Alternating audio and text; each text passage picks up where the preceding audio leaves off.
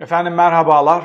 Tarkan Geçecek şarkısıyla sosyal medyayı salladı. Bence tüm yaz, tüm sene Türkiye'yi de sallayacak. Şarkıya niçin bu kadar yoğun ilgi oldu ve Tarkan gibi bir figür yani daha çok pistlerin, diskoların, sahillerin, kumsalların, kafelerin şarkıcısı olan oralarda dinlenen Tarkan protest bir şarkıyla siyasi mesajı dolaylı da olsa siyasi mesajı ile birlikte ülkeye umut ışığı olacak bir çıkış yaptı. Bu da enteresan bir şeydi. Yani biz bu tür çıkışları değil mi bizim kuşak nereden dinlemeye alışıktı? Cem Karacalardan işte Livanelilerden siyasi içerikli şarkılar yapan aktörler çok çok farklıydı. Z kuşağı ile birlikte farklı kuşaklara aynı anda hitap, ede, hitap edebilen bir şarkı yaptı Tarkan. Peki siyasi olarak bunun etkileri ne olacak? Toplum üstünde etkileri ne olacak? Daha önemlisi tarihte daha önce bir şarkıyla birlikte hangi siyasi hamleler yapıldı, hangi neticeler alındı? Tarkan'ın şarkısının hem sözlerinin hem etkilerinin hem de tarihsel süreçte benzer çıkışların hangi neticelere ulaştığının bendeki iz düşümlerini özetliyorum.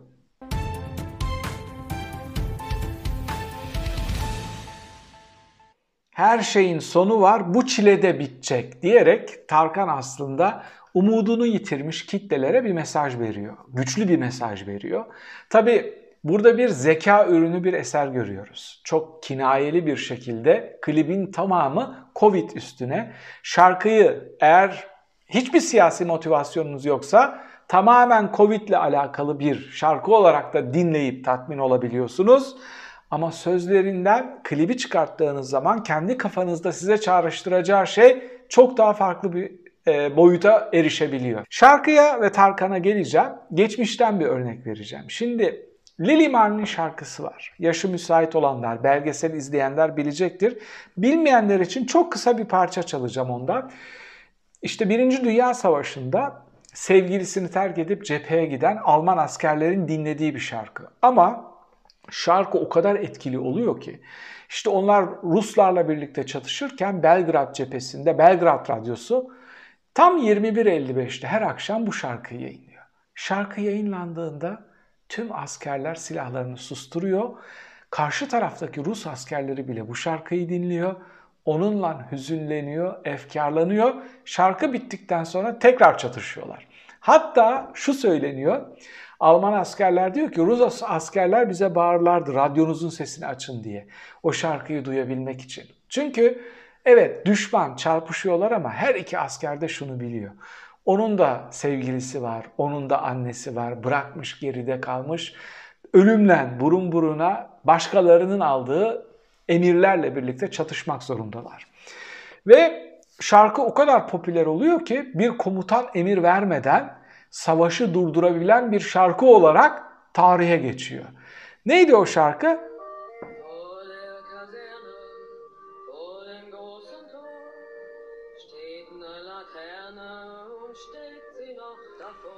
Yani bu kadarcık çalı, çalayım ki telife girmesin diye. Bu melodileri hemen hemen hepiniz biliyorsunuz. Çok çok popüler melodiler. Lili ve Marlin aslında iki farklı sevgilisiymiş. Şarkıyı yazan Hans Lieb'in sözlerini yazan ikisini birleştirerek tek bir kadın yapmış bu şarkı için. Şimdi Tarkan'a dönecek olursak bu kadar etkili bir şarkı olabilir mi? Bu kadar etkili bir şarkı olması çok zor. Oradaki kırılma farklı bir şey. Bir dünya savaşı yaşıyorsun. Çok daha büyük bir dram var.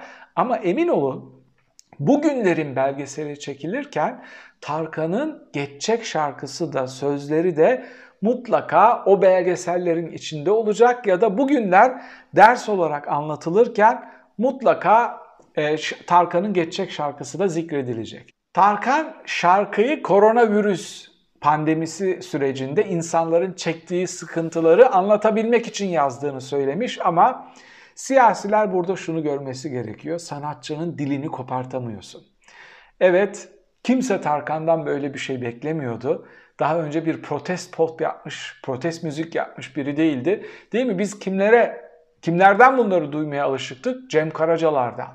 İhtarname diye şarkı mı olur ya? Cem Karaca'nın siyasilere ihtarname verdiği parçası var. İşte Livanelilerin, farklı şarkıcıların siyasi mesajları çok güçlü. Doğrudan. Hani şairin dediği gibi e, harfler harp düzeni almıştı mısralarda. Notalar sanki namlunun ucuna sürülmüş bir mermi gibi direkt ateş eden şarkılar, protest şarkılar dinlemeye alışıktık farklı aktörlerden. Burada çok zeki bir şekilde, tam star olmaya yakışacak bir şekilde bir, bir zeka oyunu yapmış. Pandemili bir klip var. Her yerde çok özgür bir şekilde çalabilecek, yasaklanmayacak. Hatta Sağlık Bakanı bile çıktı. İşte pandemide bize verdiği destekten dolayı Tarkan'a teşekkür ediyoruz diye tweet atmak zorunda kaldı.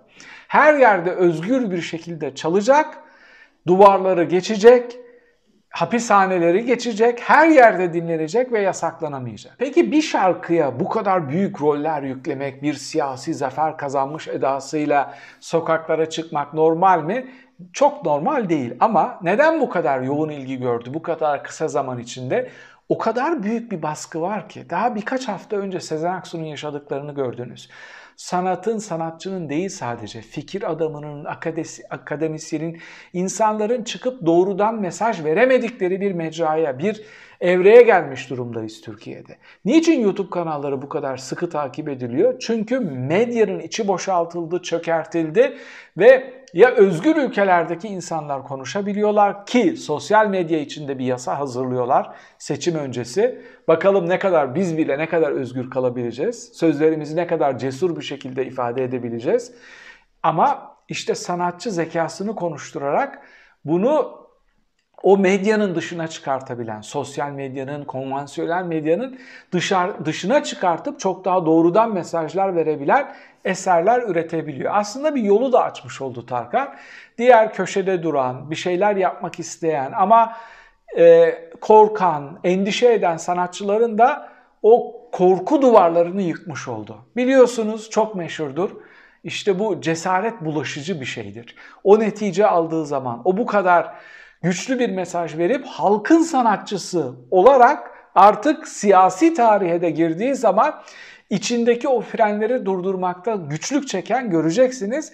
Başka sanatçılar da atlayacaklar. Onlar da benzer mesajları vermeye çalışacaklar. AKP'den şarkıya tepki verenler oldu ki herkes Sağlık Bakanı kadar stratejik tepkiler veremedi. Naci Bostancı gibi Geçmişinde ülkücü hareket merkez sağ olan, hiç de İslamcı çizgiden gelmeyen ama bu baskıcı rejimin önemli figürlerinden biri olan Naci Bostancı Hoca çıktı.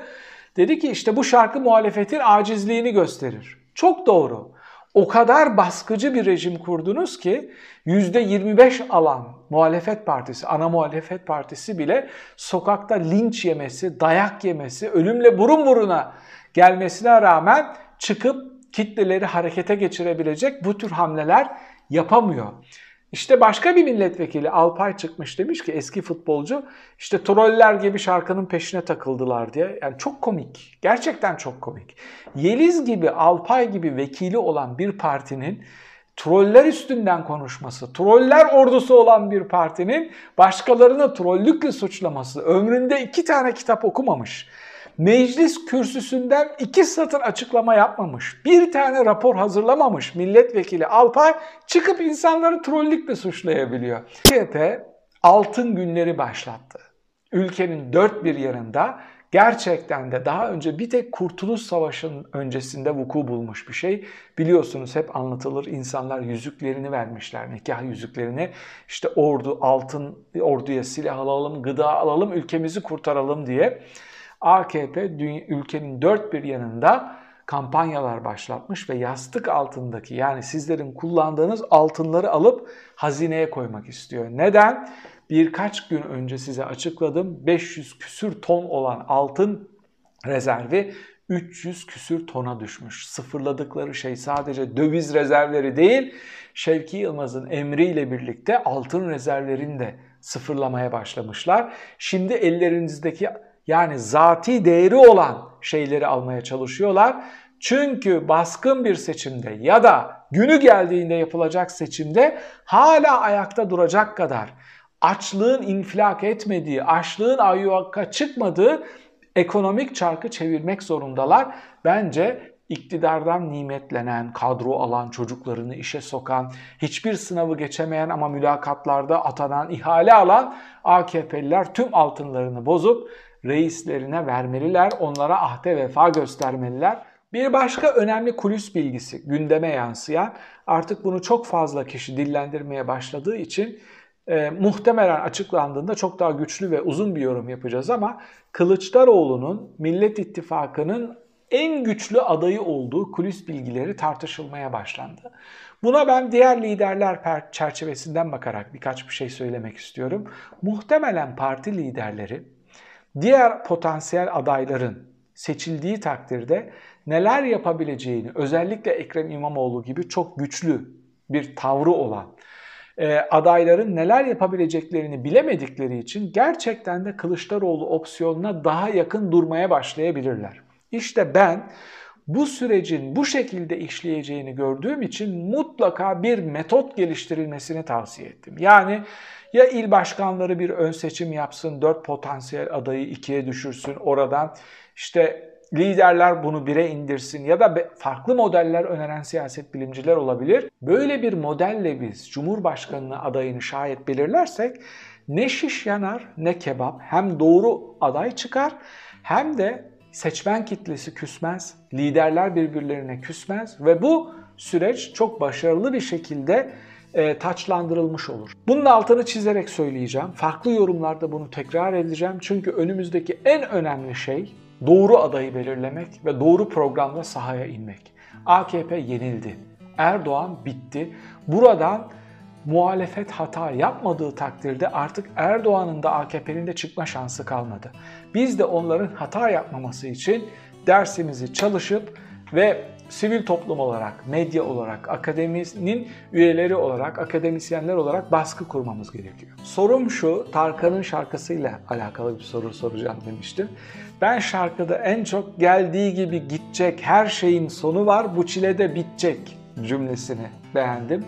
Siz en çok hangi cümleyi beğendiniz ve şarkının sizin üstünüzde bıraktığı etki ne oldu? Yorum köşesinde bunu tartışabiliriz. Bir sonraki videoda tekrar birlikte olmak üzere efendim. Hoşçakalın.